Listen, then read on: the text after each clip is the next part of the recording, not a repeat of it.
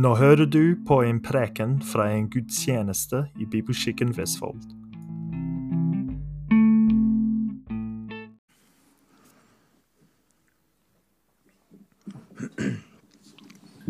Ja, god søndag, kjære venner. Dere som er her, og dere som sitter hjemme. Eh, I dag skal vi se på noen tekster fra Det gamle testamentet. Eh, Det gamle testamentet kan nok fort virke som en lukka bok. Det sier jeg fra erfaring. Eh, For ja, egentlig fram til nylig så har store deler av det vært en lukka bok. For mange har det kanskje vært sånn at man tenker at det er noe som hører fortida til, eller at man ikke helt veit hva man skal gjøre med det. Man tenker kanskje at det var for jødene, mens vi i Den nye pakt vi forholder oss til Det nye testamentet, at det er der vi legger vårt fokus. Men i 2. Timoteus 3, 16 og 17 sier Paulus Hele Skriften er innånda av Gud og nyttig til lærdom, til overbevisning, til rettled rettledning, til opptuktelse i rettferdighet, for at Guds menneske kan være fullkomment, satt i stand til all god gjerning. Skriften Paulus refererer til her, er Det gamle testamentet. At Skriften er innånda av Gud, er i seg sjæl nok til at vi som troende bør legge vind på å kjenne Det gamle testamentet. Men Paulus stopper ikke med det. Eh, Paulus var, nei, Timoteus, som Paulus skrev dette til, var Paulus' medhjelper i å lære opp flere av menighetene som han hadde stifta. Og han ville legge det på han, at den fremdeles var nyttig. Nyttig til både lærdom, overbevisning, rettledning og opptuktelse i rettferdighet. Og det er den i sannhet. Og ofte så har en kanskje en tendens til å eh, dreie seg om eh, rettledning og opptuktelse i rettferdighet. Eh, tidligere, når jeg ønska å tale fra Det gamle testamentet, så har det fort dratt i den retninga at det mest av alt bare blir en moralpreken. Og i seg sjæl vil jeg ikke si at det er noe gærent i det, for i hvert fall jeg, og kanskje noen av dere òg, har en tendens til å vike av både til høyre og til venstre, og trenger at Guds ord tukter oss tilbake på rett spor. Men som vi skal se, så er det noe større enn dette, viktigere enn dette, som GT vil vise oss. Så før vi begynner på dagens tekster, vil jeg at vi skal se litt på et par vers i Lukas 24, som Kenneth belyste for oss forrige helg. Eh, Det første verset vi skal se på i Lukas 24, er eh, vers 27. Og der står det ja, Hvis noen ikke husker det, eh, Lukas 24 eh, dreier seg om de to som var på vandring fra Emmaus, som ikke forsto det som hadde skjedd med Jesus. Og der sier Jesus eh, Det står at han begynte fra Moses og alle profetene og fortalte dem i alle skriftene det som er skrevet om ham. Videre kan vi scrolle til vers 44. Så sa han til dem, Dette er mine ord som jeg talte til dere mens jeg ennå var hos dere, at alt det måtte oppfylles som er skrevet om meg i Mose lov, i profetene og salmene. Hovedpoenget i Det gamle testamentet er, alt, er altså Kristus. Hans liv, hans død, hans virke, hans gjerninger. Så det er helt trygt å si at GT er fullt relevant for dagens kristne, og at dette dreier seg om Kristus, gitt i typer, skygger og forbilder. Og dette er noe vi bør legge vind på og ta med oss hver gang vi skuer tilbake i GT. Og som Kenneth påpekte forrige helg, er det ikke bare snakk om en eller annen Messias-spesifikk profeti her og der, men Skriften i sin helhet handler om ham. For å si det med Jesu egne ord fra Johannes 5,39. Dere gransker Skriftene fordi dere mener dere har evig liv i dem, og disse er det som vitner om meg. Så med det i tankene beveger vi oss over til dagens tema, nemlig tabernakelet. Og med en gang må jeg bare bekjenne at før jeg begynte å sette meg ordentlig inn i dette, så er jeg vanæra Gud ved å tenke at kapitlene vedrørende tabernakelet har vært en heller kjedelig lesning. Teltplugger, lysestaker, tekstiler og møbler. Men så utrolig feil jeg tok. Det vil si, jeg forsto ikke hva det dreide seg om, og tenkte ikke noe videre over Guds hensikt med alt dette. Og jeg er kanskje ikke aleine om det heller. Men i Salme 12, vers 7, leser vi Herrens ord er rene ord, like som sølv som er lutra i en smeltedigel i jorden, sju ganger rensa. Tallet sju i Bibelen er symbolsk for helhet og fullkommenhet. At Herrens ord er sju ganger rensa, vil dermed si at Skriften er fullkomment raffinert og foredla. Ingen ord som, valg, som Gud har valgt å inkludere, er overflødig eller unyttige. Det er noe vi bør legge vind og huske på. Så når vi kommer til skriftsteder som kan virke langtekkelige, meningsløse eller overdrevent detaljerte, og fokuset begynner å fase ut og vi blir frista til å bare skumme videre for å komme gjennom avsnittet, da bør vi heller bare stoppe opp, minne oss selv om at her er det noe Gud vil si oss, vende oss til Han i bønn og grunne på hva Han sier. Og nå, klok av skade, vil jeg bare nevne at sammen med Kristi guddommelighet og Johannes' åpenbaring er tabernakelet noe av det mest givende jeg har via tid til i Guds ord. Det er et helt fantastisk skue av skygger, typer og lærdommer. Men etter å ha sett nærmere på det, har jeg også innsett at jeg tok meg vann over huet à la syndefloden da jeg tenkte å forkynne over dette på én dag. Tabernakelet er et enormt tema som strekker seg fra Edens hage til det himmelske Jerusalem, og hadde vært mer egna som en møteserie enn en enkel tale. Så i dag så får vi bare skrapa litt i overflata. Og rundt tabernakelet så syns jeg Arthur Pink hadde et veldig godt poeng.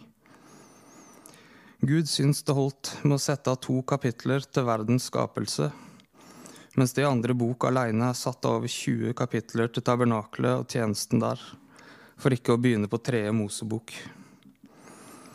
Vi skal ikke lese alle kapitlene i dag, og heller ikke stoppe opp for alle detaljer med hver ting, men vi skal bevege oss litt fram og tilbake mellom kapittel 25 og 40. Så dere som vil lese med, kan slå opp i Bibelen i andre Mosebok, kapittel 20. Nei, kapittel 27.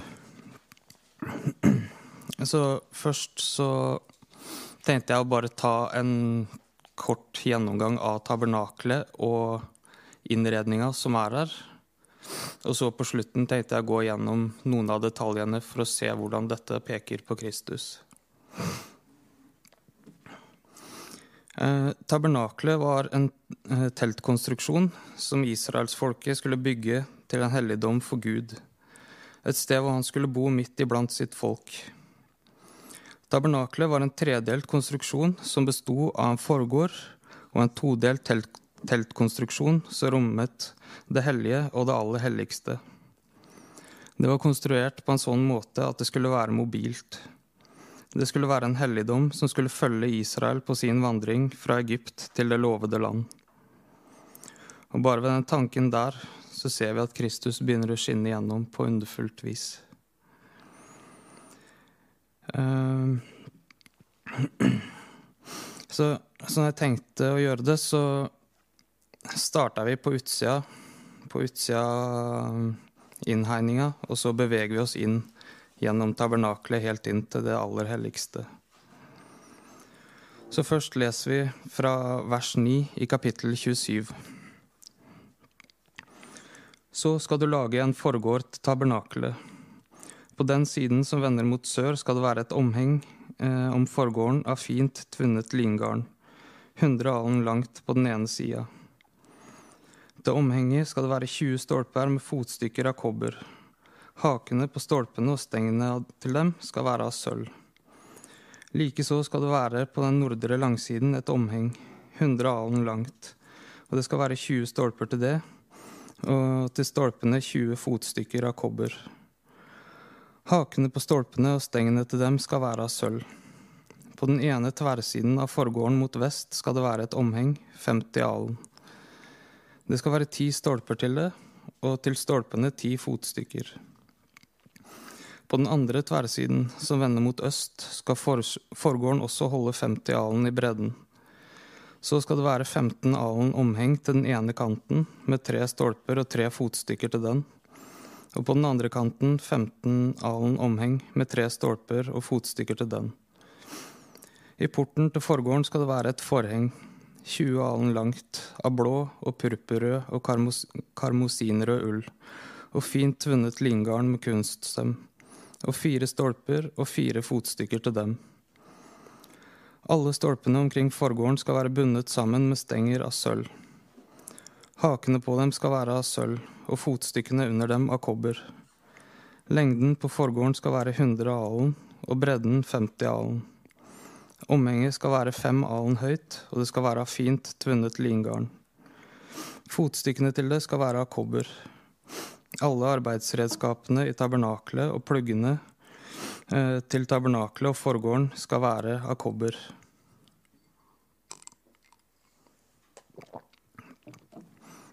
Så forgården var en rektangulær innhegning som var dobbelt så brei som den var lang, og strekte seg 50 ganger 100 alen, som på norsk blir ca. 46 ganger 23 meter. Innhegninga besto av stykker av fint veva lin. På nordsida og sørsida var ett stykke i hver på 46 meter. På vestsida var et stykke som var 23 meter, mens på østsiden var to strekk på 15 alen, ca. 7 meter, med en port som var ca. 9 meter brei. Eh, denne forgården var åpen for alle. Det er to detaljer vi kan bite oss merke i det vi akkurat har lest. Og Det er at det er kun én vei inn i forgården, og at denne inngangen pekte mot øst. Så når vi beveger oss inn i forgården, så er det to objekter der som tilhører gudstjenesten. Det første man ble møtt av på innsida av forgårdens forheng, var brennofferalteret. Du skal lage et alter av akasietre. Det skal være fem alen langt og fem alen bredt. Firkanta skal alteret være og tre alen høyt. Og du skal lage et horn på hvert av de fire hjørnene, og hornene skal være i ett med alteret. Og du skal kle alteret med kobber. Så skal du lage bøttene som asken skal bæres bort i, ildskuffene og skålene til å stenke blod med, og kjøttgaflene og fyrfatene. Alle disse redskapene skal du lage av kobber. Til alteret skal du lage et gitter et nettverk av kobber, og på nettet skal du lage fire kobberringer, én på hvert hjørne. Gitteret skal settes eh, nederst under listen på alteret, så det rekker til midten på alteret. Så skal du lage stenger til alteret, stenger av akasietre, og du skal kle dem med kobber. Stengene skal stikkes inn i ringene så de er på begge sider av alteret når det blir båret. Alteret skal du lage av bord. Det skal være hult. Som det ble vist deg på fjellet, slik skal det gjøres. Brennofferalteret var da ganske stort. Det var ca. 230 ganger 230. Og det var trolig såpass stort for at det skulle kunne holde det største dyret som skulle kunne ofres på det. Så på vei inn gjennom eh, porten til forgården så tror jeg det første man blir mett av, var et forferdelig skue som ville fått de fleste til å tenke seg om både én og to ganger før man satte foten inn i forgården. På dette alteret skulle ilden aldri slokke. Når det skulle ofres syndoffer, skulle presten ta litt av blodet. Hva som skjedde med det, var litt avhengig av hvem som hadde synda. Resten skulle helles ut ved brennofferalterets fot. Et kvegdyr har gjennomsnittlig 40 liter blod. Hver dag var det nye offer, hver dag var det ild og røyk. Hver dag blei det stenka med nytt blod rundt på alteret. Snakk om et levende bilde om hvordan Gud føler om synd. Så videre, når vi beveger oss inn eh, mot teltet som står inne i forgården, så kommer vi til kobberkaret. Og det leser vi om i kapittel 30 fra vers 17. Og Herren talte til Moses og sa:" Du skal lage et kar av kobber med fotstykker av kobber til å vaske seg i. Og du skal sette det mellom sammenkomstens telt og alteret og ha vann i det. Og Aron og hans sønner skal vaske hendene og føttene i det. Når de går inn i sammenkomstens telt, skal de vaske seg med vann for at de ikke skal dø. Likeså når de trer fram til alteret for å gjøre tjeneste og brenne ildoffer for Herren. De skal vaske hender og føtter for at de ikke skal dø. Dette skal være en evig lov for dem, for ham og hans ett, slekt etter slekt. To ganger blir det presisert at om prestene ikke vasker hender og føtter eh, før de går fram for Herren ved dette alteret, så skal de dø. Som med brennofferalteret får vi et klart inntrykk av Guds hellighet. Han er i ett og alt absolutt hellig, og ikke noe urent kan bli stående for hans åsyn. Så etter kobberkaret kom vi fram til sjølve tabernakelet, det som ble kalt eh, vitnesbyrdets telt og sammenkomstens telt. Eh, det skal vi nå lese om fra vers 1 i kapittel 26. Tabernakelet skal du lage av ti tepper fint tvunnet lingarn og blå og purpurrød og karmosinrød ull. Du skal lage dem med kiruber på i kunstveving. Hvert teppe skal være 28 alen langt og fire bredt. Alle teppene skal holde samme mål. Fem av teppene skal festes sammen, det ene til det andre. Likeså de andre fem teppene. Og du skal lage hemper av blå ull i kanten på det ene teppet, ytterst der hvor de skal festes sammen. Likeså i kanten på det ytterste teppet, der den andre sammenføyningen skal være. 50 hemper skal du lage på det ene teppet, og 50 skal du lage på det andre teppet, der hvor sammenføyningen skal være. Hempene skal være like mot hverandre, den ene mot den andre. Og du skal lage 50 gullkroker og feste teppene til hverandre med krokene, så tabernaklet blir et sammenhengende telt. Så skal du lage tepper av geitehår til å dekke over tabernaklet. Elleve slike tepper skal du lage.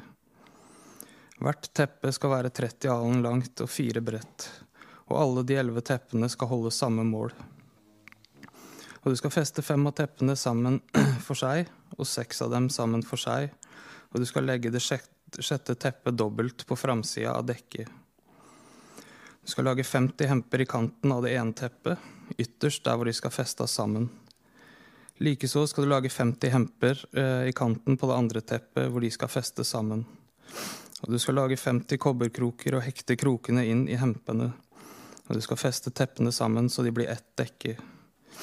Men det overskytende av dek dekketeppene, det halve teppet som er til overs, skal henge ned på baksida av tabernakelet. Dekketeppene på hver, eh, på hver av sidene er én alen for lange. De skal henge ned på begge sider av tabernakelet for å dekke det.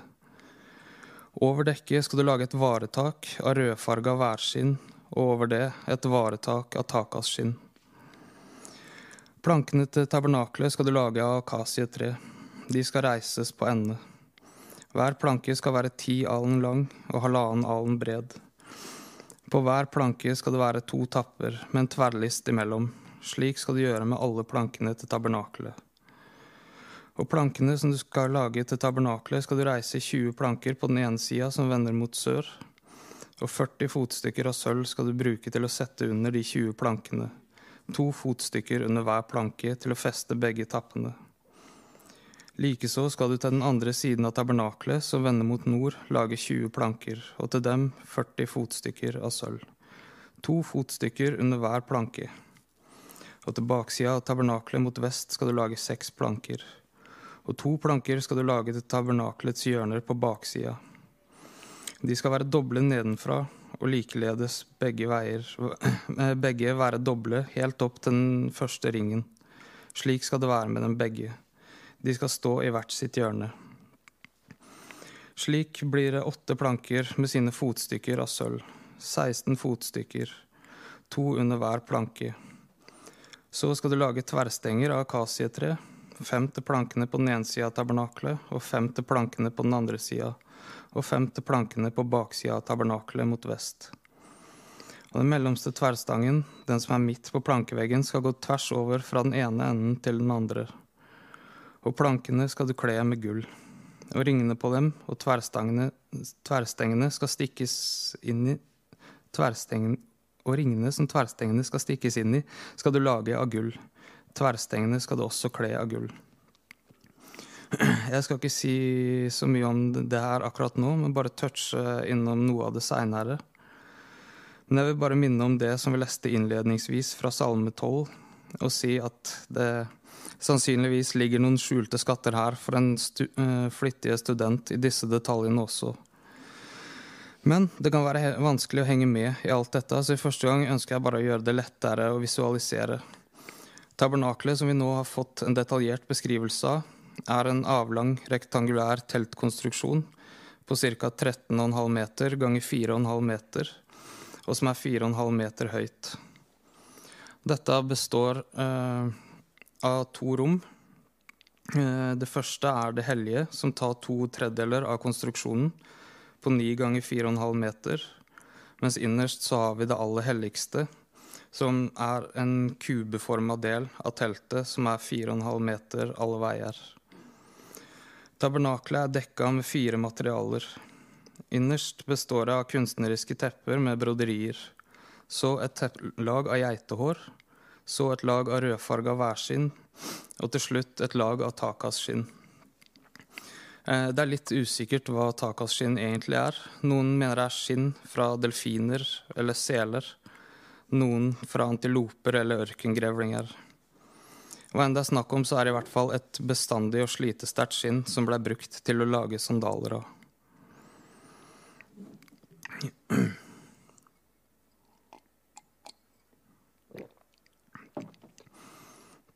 Så det første man blei møtt av ved inngangen til tabernakelet, var et teppe som fungerte som teltdør mellom forgården og den delen som kalles Det hellige. I kapittel 26, vers 36 og 37 leser vi Til teltdøren skal du lage et teppe av blå og purpurrød og karmosinrød ull eh, og fint tvunnet lingarn med brodert arbeid. Og du skal lage fem stolper av akasietre til teppet og kle dem med gull. Hakene på dem skal være av gull og du skal støpe fem fotstykker av kobber til dem. Denne teltdøra er også på østsida, på samme sida som inngangen til, eh, til forgården var.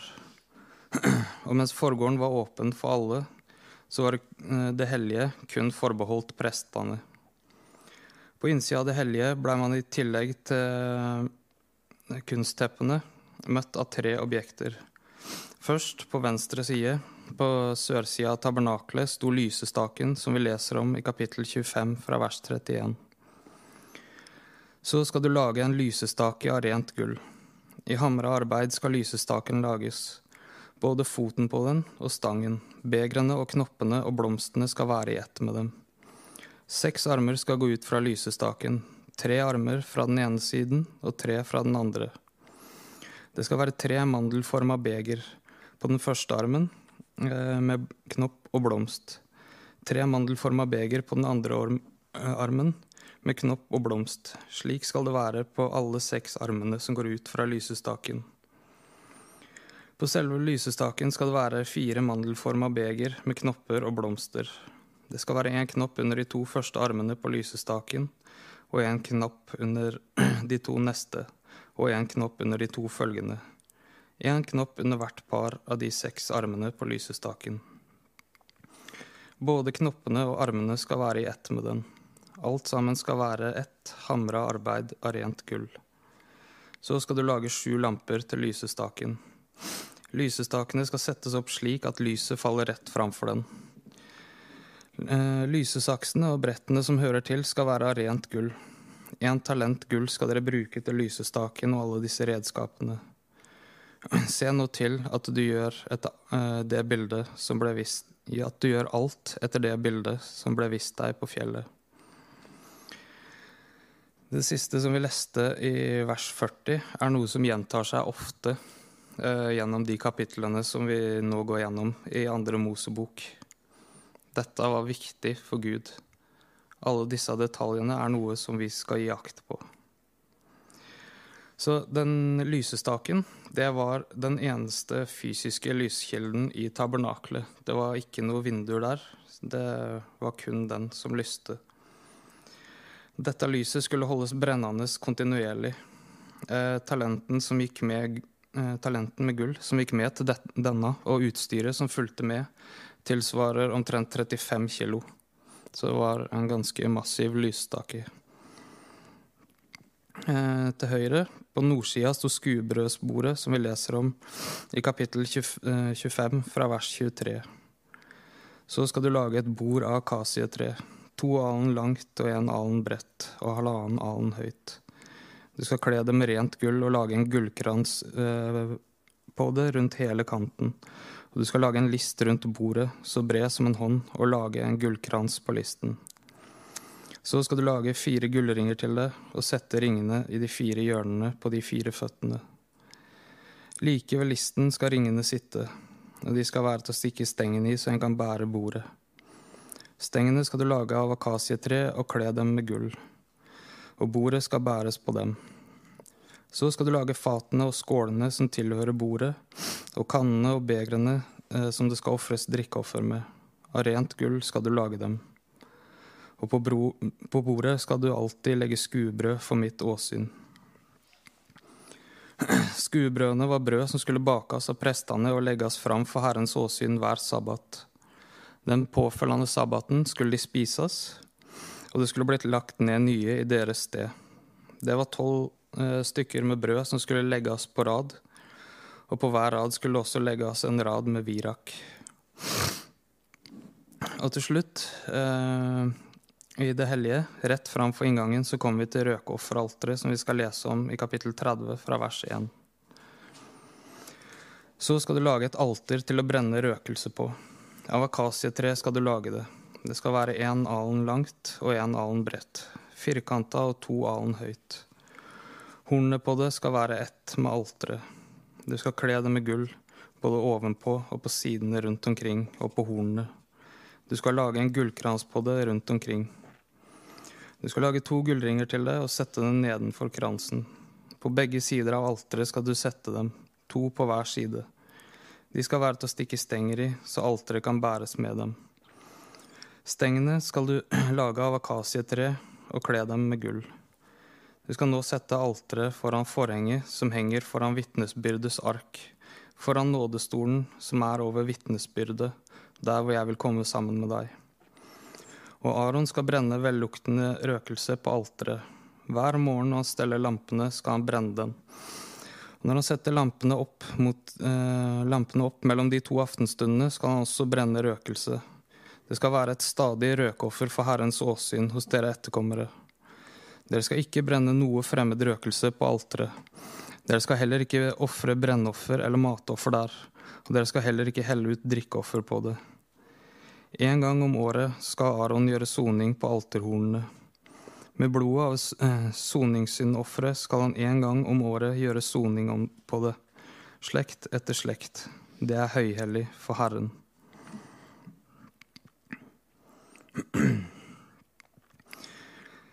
Eh, da har vi da kommet innerst til det hellige.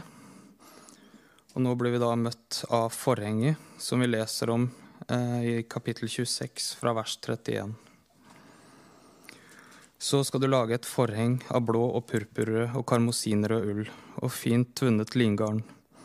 Det skal lages i kunstveving med kiruber på, og du skal henge det på fire gullkledde stolper av akasietre som det er gullhaker på, og som står på fire fotstykker av sølv. Du skal henge forhenget under krokene og føre vitnesbyrdes ark eh, dit og sette den innenfor forhenget. Og forhenget skal være for dere en skillevegg mellom det hellige og det aller helligste. Og nå, helt til slutt, så har vi da kommet inn i det aller helligste. Eh, dette var, som jeg nevnte tidligere, et rom som var forma som en kube. Her inne befant det seg to objekter som sammen utgjorde én helhet paktens ark og nådestolen som fungerte som et lokk. Og Det skal vi nå lese om i kapittel 25 fra vers 10. De skal lage en ark av akasietre, to alen lang og halvannen alen bred og halvannen alen høy. Den skal du kle med rent gull, både innvendig og utvendig skal du kle den med gull. Og du skal lage en gullkrans på den rundt omkring. Du skal støpe fire gullringer og feste dem i de fire føttene på arken. To ringer på den ene siden, to på den andre. Så skal du lage stenger av akasietre og kle dem med gull. Og du skal stikke stengene inn i ringene på siden av arken, så arken kan bæres på den. Stengene skal bli i ringene, de må aldri tas ut av dem. Og i arken skal du legge vitnesbyrdet som jeg vil gi deg. Så skal du lage en nådestol av rent gull. Den skal være to og en halv alen lang og to og halvannen alen bred. Du skal lage to kjeruber av gull. I hamra arbeid skal du lage dem og sette dem ved begge sidene av nådestolen. Sett den ene kjeruben ved den ene siden og den andre kjeruben ved den andre enden. Dere skal lage kjerubene i ett med nådestolen, én på hver ende av dem. Kjerubene skal holde vingene utbredt og oppløfta, så de dekker over nådestolen med vingene, og ansiktene skal vende mot hverandre. Mot nådestolen skal kirubene vende ansiktet. Så skal du sette nådestolen oppå arken. Og i arken skal du legge vitnesbyrdet som jeg vil gi deg. Og jeg vil komme sammen med deg der, fra nådestolen, mellom begge kirubene som er på vitnesbyrdets ark. Der vil jeg tale med deg om alt jeg vil pålegge deg og si til Israels barn. Paktsarken var det viktigste i hele tabernakelet eh, og det ultimate symbolet på Guds pakt med Israel. Her, i det aller helligste, var det bare ypperstepresten som kunne gå inn, og det kun én gang i året. Det var på Jom Kippur, på den store forsoningsdagen. Arker var ikke uvanlig på gammeltestamentlig tid, men særlig én ting skiller paktens ark fra hedningenes arker. Mellomrommet mellom kirubene på nådestolen er tomt. Ethvert forsøk på å avbilde Gud ville komme til kort. I Hebreerne 9,4 leser vi hva som skjulte seg i arken under nådestolen. Den inneholdt en gullkrukke med manna og Arons stav som hadde blomstra, og paktens tavler.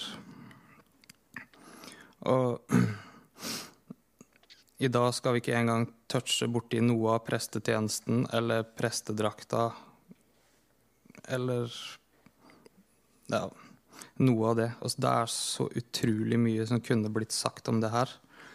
Men nå som vi har gått gjennom det og fått et visst overblikk og kanskje har et bilde i huet av åssen det var, så skal vi begynne å se litt på noen av detaljene som peker mot Kristus.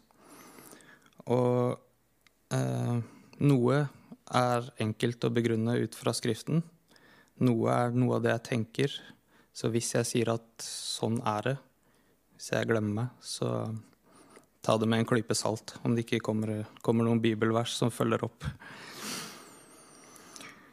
Men som vi så innledningsvis, så handler dette om Kristus. Eh, og det første vi kan se på, finner vi i Johannes 1, eh, vers 14. Og der leser vi Og ordet ble kjød og tok bolig iblant oss, og vi så hans herlighet en herlighet som den en enbåren sønn har fra sin far, full av nåde og sannhet. Her kommer norske oversettelser til kort, men ordet som er oversatt med 'tok bolig', er det greske ordet 'skineo', som betyr uh, å slå opp et telt eller å tabernakle. Eh, det Som vi så To sek. Uh, I Kolosserne 2,9 leser vi For i ham bor hele guddommens fylde eh, legemlig. På samme måte som Gud tok sin bolig i tabernaklet for å være midt iblant sitt folk, tok han også bolig i kjøtt og blod for å være midt iblant sitt folk. Se, jomfruen skal bli med barn og føde en sønn, og de skal gi ham navnet Immanuel det betyr 'med oss er Gud'. Fra utsida av forgården var det ikke noe gull, ikke noe grandiost, ikke noe sånt som var synlig, bare et forheng av lin og et dekke av dyreskinn. Det så nok ganske enkelt ut, som et mer eller mindre vanlig telt på den tida. Det var nok heller ingen utenforstående som tenkte at dette var bolig for en stor og mektig gud, langt mindre den evige universets skaper, i Jesaja 53 leser vi da om Jesus. Han hadde ingen skikkelse, ingen herlighet. Vi så ham, men han hadde ikke et utseende så vi kunne ha vår lyst i ham. Slik som Gud tok bolig i et beskjedent tabernakeltelt i ødemarken, på samme måte tok han bolig i et beskjedent ytre da han vandra her på jorda.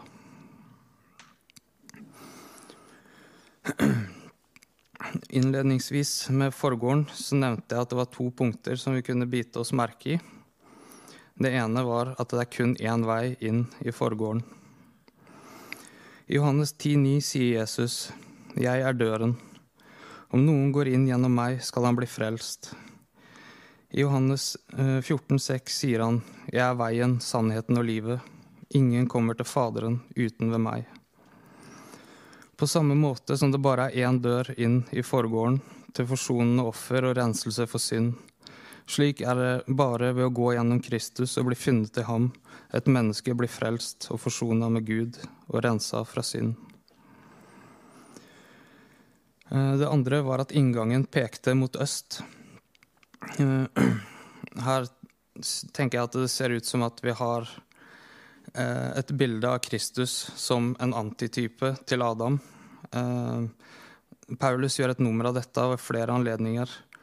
I 1. Korinterbrev 15, 21 og 22 sier han For ettersom døden kom ved ett menneske, så er også de dødes oppstandelse kommet ved ett menneske. For like som alle dør i Adam, slik skal også alle bli levendegjort i Kristus. I Romerne 5, 15 sier han men nådegaven er ikke som med fallet. For er de mange døde på grunn av den enes fall, så er mye mer Guds nåde og nådens gave i det ene mennesket, Jesus Kristus, blitt overmåte rik for de mange.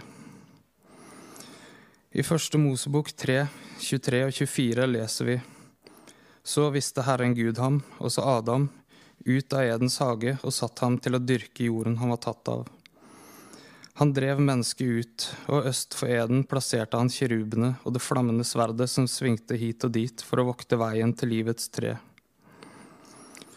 Der Adam ble jaga ut, øst i Ødens hage, og kirubene ble satt til å vokte veien, så viser tabernaklet da som et motbilde Kristus, hvordan han nå bana vei inn gjennom forhenget, inn gjennom alle kirubene, hvordan Kristus åpna veien tilbake inn til Gud.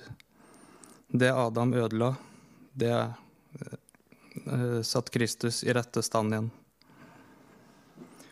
Så kom vi inn til brennofferalteret, som var et bindeledd mellom the common man og det aller helligste på flere måter. Men det var ingen forsoning for noen uten å gå via det blodige alteret. I 3. Mosebok 17,11 står det For kjøttets liv er i blodet, jeg har gitt dere det på alteret for å gjøre soning for deres sjeler.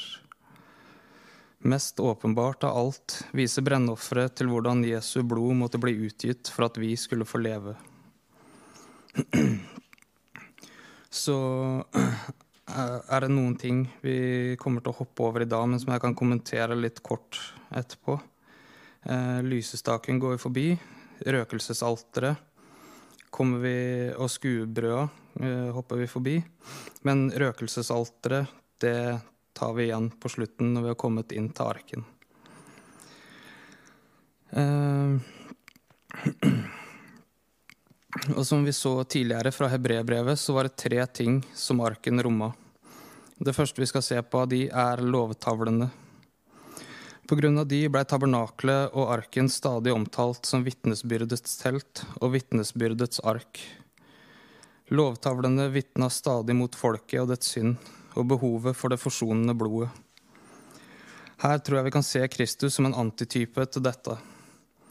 I Matteus 5, 17 sier Jesus, dere må ikke tro jeg er kommet for å oppheve loven eller profetene. Jeg er ikke kommet for å oppheve, men for å oppfylle. Som israelsfolket hadde lovtavlene i sin midte som vitna mot dem og deres synd mot Gud, har vi nå Kristus i vår midte som vitner om at alt er oppfylt. Uh, og så var det krukken med manna.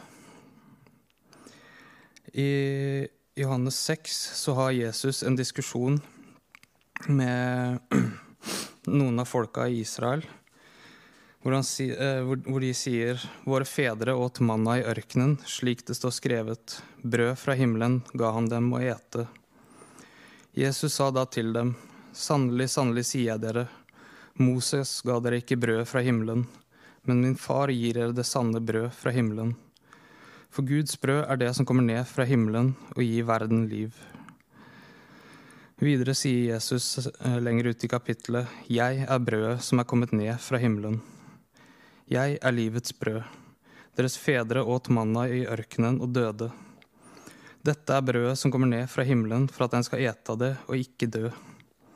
Jeg er det levende brødet som er kommet ned fra himmelen. Om noen eter av dette brødet, skal han leve i evighet. Og det brødet som jeg vil gi, er mitt kjød, som jeg gir til verdens liv. Her utlegger Jesus for oss hvordan krukka med manna er et klart bilde, forbilde på han. Og til slutt, oppe i arken, så finner vi Arons stav. Og det er egentlig en ganske interessant greie. Arons stav var den som Moses brukte til å utføre undrene i Egypt, som leda opp til Passover, som Kenneth forkynte fra forrige helg. Og Vi skal ta oss litt tid til å se på historien bak hva som fikk den til å blomstre, og i forbindelse med dette også touche litt borti røkofferalteret. I 4. Mosebok 16 leser vi om hvordan noen blant israelsfolket knurrer mot Moses og Aron, og hvordan de stiller, uh, stiller seg tvilende til at Gud har utvalgt dem til sin tjeneste. Kora, sønn av Jishar, sønn av Kahat, Levis sønn, sammen med Datan og Abiram, sønner av Eliab og On, en sønn av Pelet av Rubens ett, tok en flokk med seg. De sto fram for Moses, og sammen, de to, og sammen med dem 250 mann av Israels barn, høvdinger i menigheten, eh, kalte av forsamlingen aktede menn. De flokket seg sammen mot Moses og Aron og sa til dem, nå får det være nok. Hele menigheten er hellig, alle sammen, og Herren er midt iblant dem. Hvorfor skal da dere opphøye dere over Herrens menighet? Da Moses hørte disse ordene, falt han på sitt ansikt, og han talte til Kora og hele flokken hans og sa, I morgen skal Herren åpenbare hvem som tilhører ham, og hvem som er hellig, så han lar ham komme nær til seg. Den som han utvelger, vil han la komme nær til seg. Og enden på visa leser vi litt seinere i kapittelet. Der står det, dersom disse menneskene dør på samme måte som alle de andre mennesker, eller om de blir hjemsøkt på samme måte som alle de andre mennesker, da har ikke Herren sendt meg. Men dersom Herren eh, gjør noe som ikke har hendt før, dersom jorda lukker opp sitt gap og sluker dem alle eh, og alle deres, så de farer levende ned i dødsriket, da vet dere da vet dere at disse mennene har forakta Herren. Med det samme han hadde talt disse orda, eh, revna jorda under dem, Jorda åpnet sitt gap og slukte dem og deres boliger, og alt det folk som tilhørte Kora, og alt det de eide. De for levende ned i dødsriket med alle sine. Jorden skjulte dem, og de omkom og ble utryddet av menigheten. Og, men dagen etter knurra hele Israels barn eh, Israels barns menighet mot Moses og Aron og sa:" Det er dere som har slått uh, Herrens folk i hjel. Da menigheten samla seg mot Moses og Aron, vendte de seg begge til sammenkomstens telt, og se, skyen dekka det, og Herrens herlighet åpenbarte seg. Og Moses og Aron gikk fram for sammenkomstens telt, og Herren talte til Moses og sa, Gå bort fra denne menigheten, så vil jeg gjøre ende på den i et øyeblikk. Da falt de ned på sitt ansikt, og Moses sa til Aron, Ta ildkaret og ha ild fra alteret i det, og legg røkelse på, og skynd deg så bort til menigheten med det, og gjør soning for dem. For vreden er gått ut fra Herrens åsyn, og straffedommen er begynt. Og Aron gjorde som Moses hadde sagt. Han tok ildkaret, løp midt eh, inn i flokken, og se, straffedommen var alt begynt blant folket. Så tok han røkelsen og gjorde soning for folket mens han sto der mellom de døde og de levende. Da stanset straffedommen, men det var 14 700 mann som døde under pesten, i tillegg til dem som døde for Koras skyld. Og Aron vendte tilbake til Moses ved inngangen til sammenkomstens telt, og straffedommen var stansa. Og videre eh, så sier Gud, Herren talte til Moses og sa, Tal til Israels barn og få tolv staver av dem, én stav for hver stamme.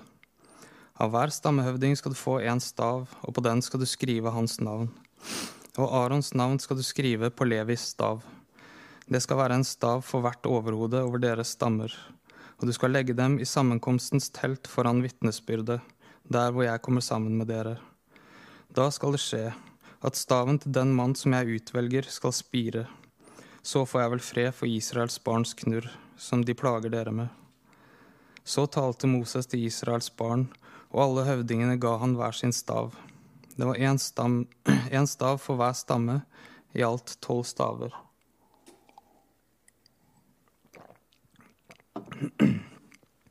Og Arons stav var mellom de andres. Moses la så stavene ned for Herrens åsyn i vitnesbyrdets telt. Eh, da Moses dagen etter kom inn i vitnesbyrdets telt, fikk han se at Arons stav, den som var for Levis hus, hadde spirt.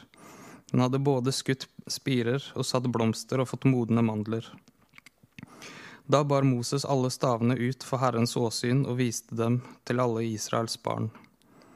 Og de så dem og tok hver sin stav. Og Herren sa til Moses, bær Arons stav inn igjen foran vitnesbyrdet, så den kan gjemmes som et tegn til de gjenstridige. Gud skulle altså vise hvem han hadde utvalgt ved å få en død kvist til å leve igjen. I Paulus tale på Areapagos i Apostlenes gjerninger 17 sier han etter at Gud har båret over med uvitenhetstider, befaler han nå alle mennesker alle steder at de skal omvende seg. For han har fastsatt en dag da han skal dømme verden med rettferdighet. Dette skal skje ved den mannen som han har utvalgt til det, etter at han har gitt fullgodt bevis for alle ved å reise ham opp fra de døde. Det ja, det er så mange fantastiske bilder i GT som peker fram mot Kristus. Det Altså på samme måte som uh, ja, nei, never mind. Uh, en annen ting som er litt interessant å se videre i kapittel 18, og det vi akkurat har lest rundt staven til Aron, så ser vi også hva at Aron skulle bli utvalgt, men vi ser også hva Aron blei utvalgt til. Du og dine sønner og hele din fars hus skal bære skylden for overtredelser mot helligdommen du og dine sønner skal bære skylden for overtredelser mot prestetjenesten. Det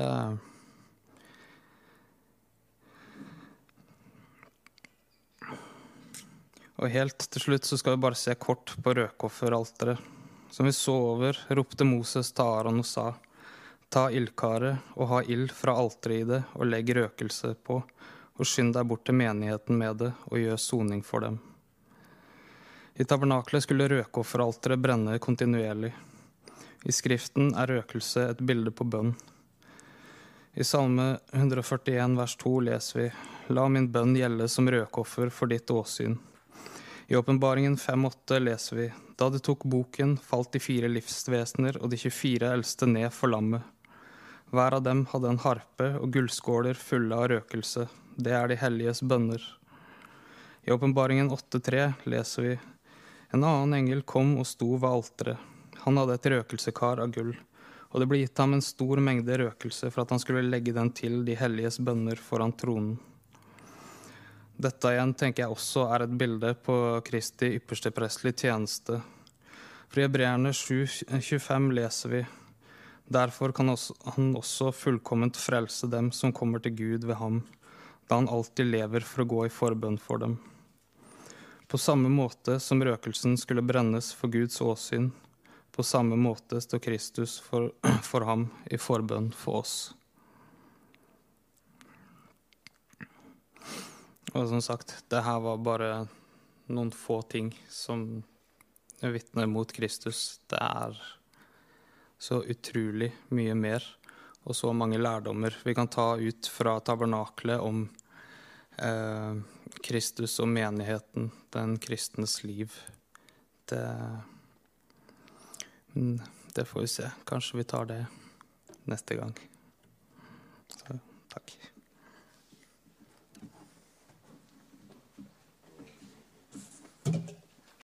Takk for at du hørte på denne prekenen. Ønsker du mer informasjon, besøk bibelkirken.com eller vår Facebook-side Bibelkirken Vestfold.